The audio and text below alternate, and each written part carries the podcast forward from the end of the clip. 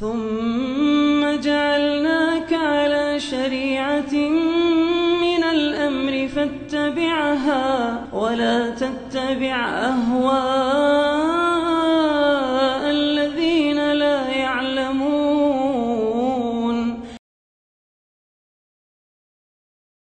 بسم الله الرحمن الرحيم. الحمد لله رب العالمين والصلاة والسلام على المبعوث رحمة للعالمين نبينا محمد وعلى آله وصحبه ومن تبعهم بإحسان إلى يوم الدين أما بعد kaum muslimin dan muslimat para pendengar dan seluruh pemirsa yang menyaksikan acara ini Assalamualaikum warahmatullahi wabarakatuh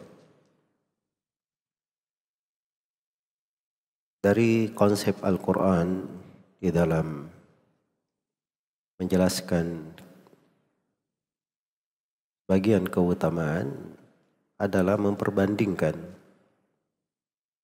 antara suatu keutamaan itu dengan kebalikannya. Sehingga terlahir mana yang mendalam di dalam memahami keutamaan tersebut. Di antara hal tersebut, apa yang merupakan tema kajian kita di sore hari ini.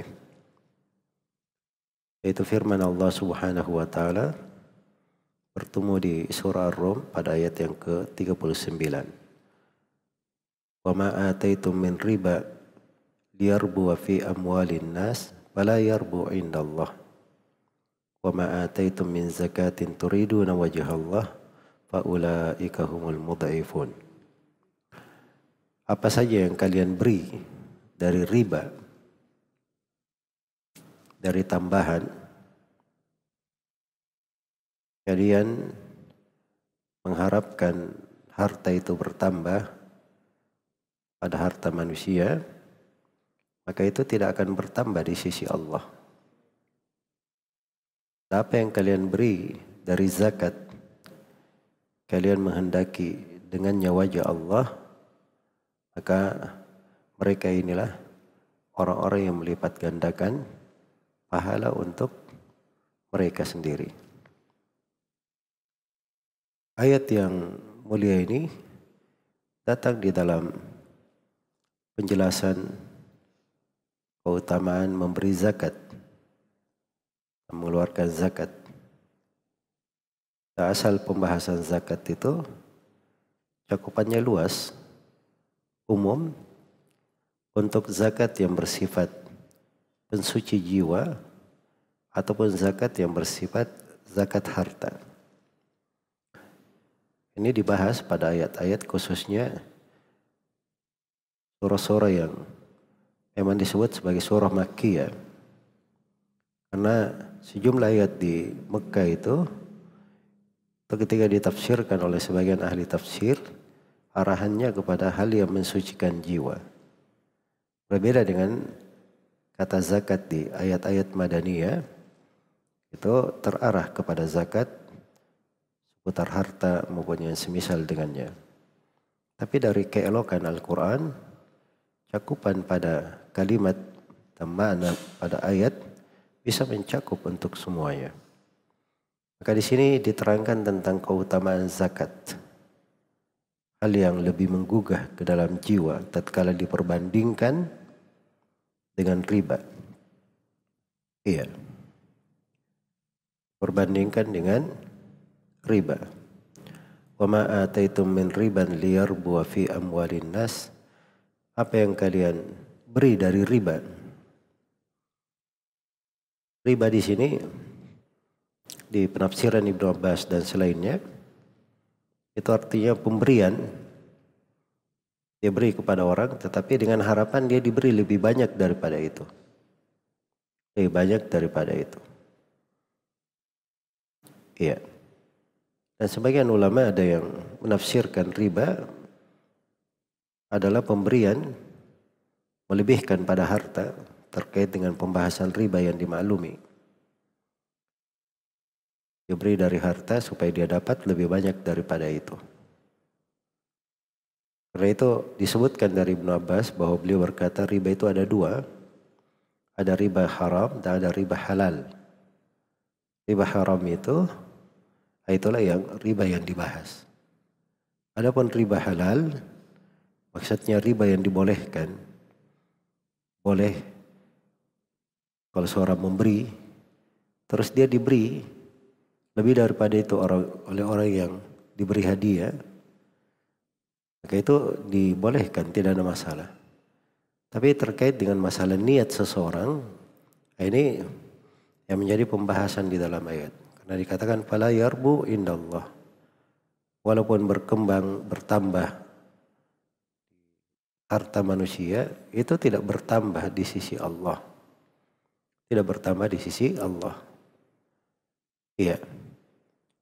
Nah, hakikatnya seorang itu tidak boleh memberi orang lain yang diharapkan supaya orang lain itu membalas dia dengan memberi lebih banyak. Salah satu penafsiran dari ayat wala tamnun tastakthir. Kamu jangan memberi minnah yang akhirnya kamu minta lebih banyak daripada itu. Itu salah satu penafsirannya. Jangan memberi pemberian kamu minta diberi lebih banyak daripada itu. Kamu minta diberi banyak daripada itu. Ini dari hal-hal yang hendaknya diperhatikan.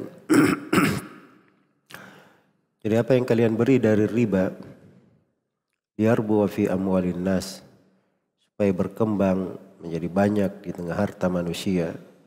Orang-orang memberi kamu lebih banyak. Atau kamu berpraktek riba yang haram ya supaya bisa mengambil dari harta manusia. Dia kasih pinjaman 30 ribu nanti dia minta dikembalikan 50 ribu. Itu riba haram. Apa yang kalian lakukan dari hal yang seperti itu maka itu fala indallah. Tidak akan berkembang di sisi Allah. Dan sebaliknya zakat itu nah di sini yang sangat indah sekali dan sangat menggugah jiwa. Bagaimana kedudukan dari zakat itu. Wa ma ataitum min zakatin turiduna wajah Allah. Adapun zakat yang kalian beri karena mengharapkan wajah Allah, ikhlas di dalamnya, faulaika humul mudhaifun.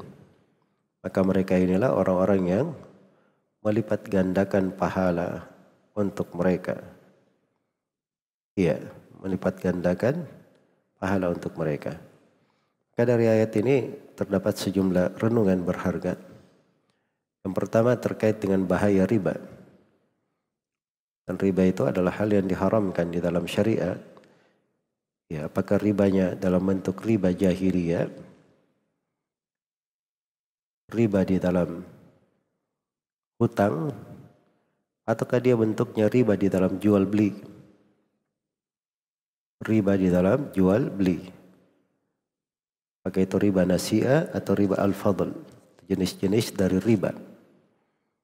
Kalau seorang misalnya dia pinjam 30 ribu, nanti dikembalikan 50 ribu, maka itu riba. Itu riba jahili yang diharamkan. Kalau pinjam 30 ribu, begitu jatuh temponya harus dibalikkan, kasih pemilik piutang berkata kamu kembalikan 30 ribu. Kalau tidak nanti ada tambahannya 20 ribu. Nah, ini juga masuk ke dalam riba jahiliyah. Bagaimana kalau dia melakukan transaksi penukaran barang-barang ribawi, jual beli? Itu ada hukum-hukum riba di situ. Harus diperhatikan. Maka seorang pun kalau ingin mencari perkembangan nilai hartanya, Mungkin saja secara kasat mata dia berkembang, tapi di sisi Allah tidak berkembang. Ya, artinya tidak ada keberkahan di dalam hal tersebut. Kemudian dikatakan wa ma ataitum min zakatin dan apa yang kalian beri dari zakat turiduna wajah Allah. Kami menghendak, kalian menghendaki dengannya wajah Allah. Ini terdapat keutamaan zakat. Zakat ini adalah syariat yang agung. Syariat yang agung. Iya. Dan kewajiban zakat itu ada yang terkait dengan harta. Harta yang dizakati ada empat jenis. Yang pertama emas dan perak dan apa yang semisal dengannya yang memiliki nilai tukar. Emas, perak, uang, rupiah atau atau uang apa saja. Obligasi. Atau yang semisal dengannya dari surat-surat berharga yang bisa menjadi uh, nilai pertukaran nah itu dikeluarkan zakatnya. Ada kewajiban zakat kemudian yang kedua dari harta yang wajib padanya zakat itu adalah emas dan perak uh, maaf yang kedua adalah hasil bumi hasil bumi. Karena di dalam Al-Quran dikatakan atu haqqahu yawma hasadihi. Dan keluarkanlah hak dari harta itu ketika dipanen.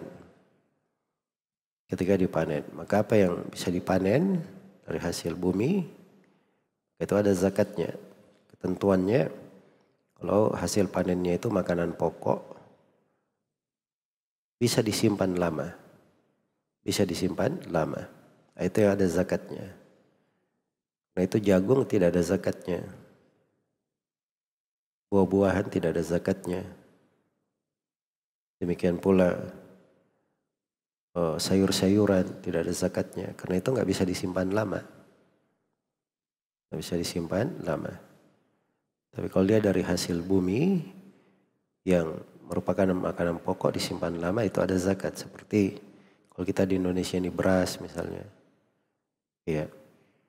Maka itu ada zakat. Kemudian yang ketiga ada zakat pada hewan ternak. Dan hewan ternak yang dizakati itu ada tiga jenis. Yang pertama adalah unta.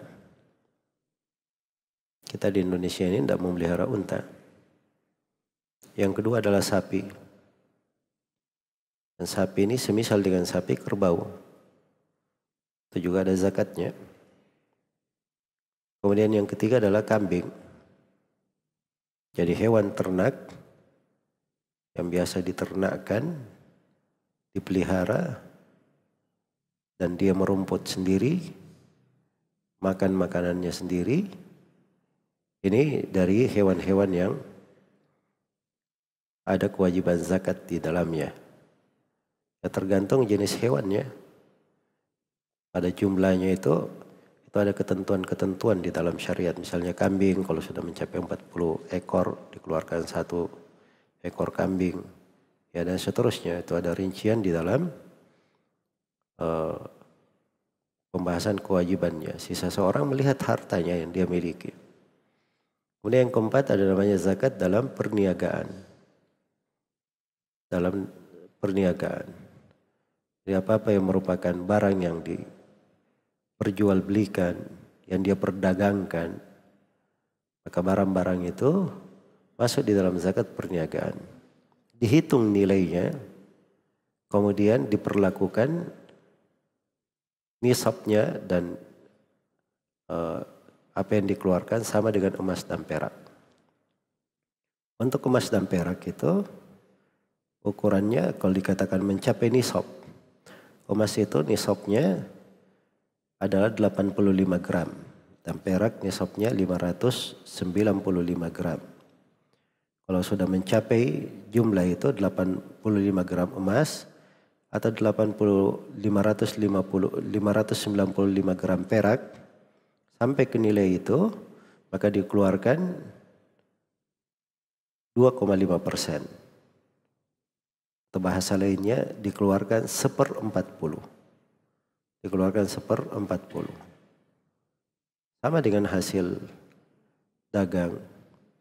Kalau misalnya seorang punya toko dalam setahun perputaran modalnya uh, adalah 20 juta, maka dia lihat 20 juta ini senilai dengan 85 gram emas atau senilai dengan 595 perak. Ya perak sekarang murah ya, mungkin sekitar 10 ribu atau anggaplah 20 ribu pun itu 11 juta atau 12 juta seorang sudah ada kewajiban zakat kalau misalnya 20 ribu harga perak.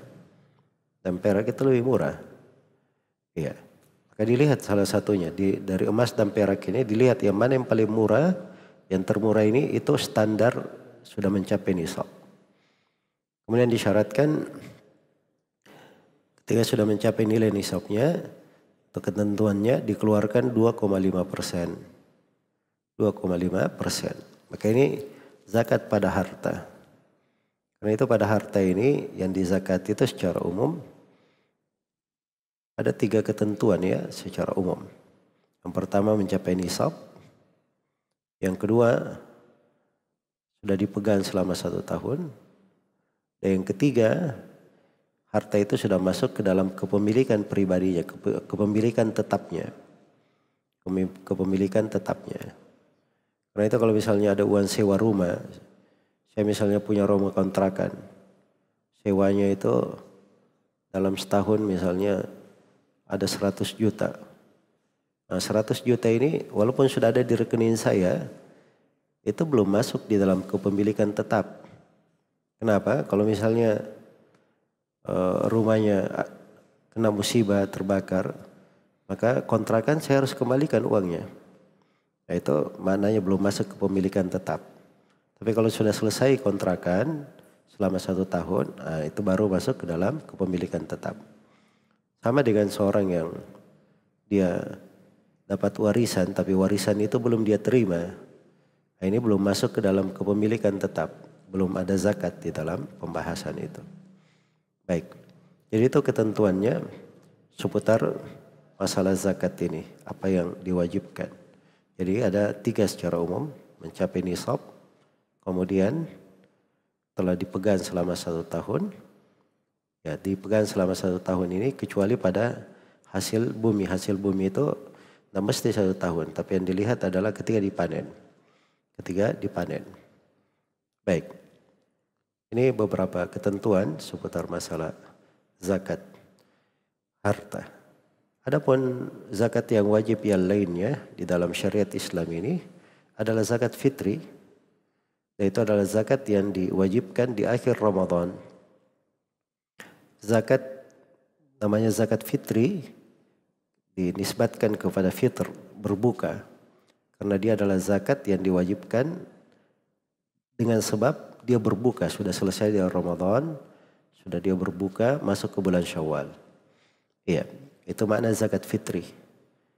Nah itu keliru ya dari masyarakat menyebutnya zakat fitrah. Fitrah itu dari fitrah ya. Fitrah.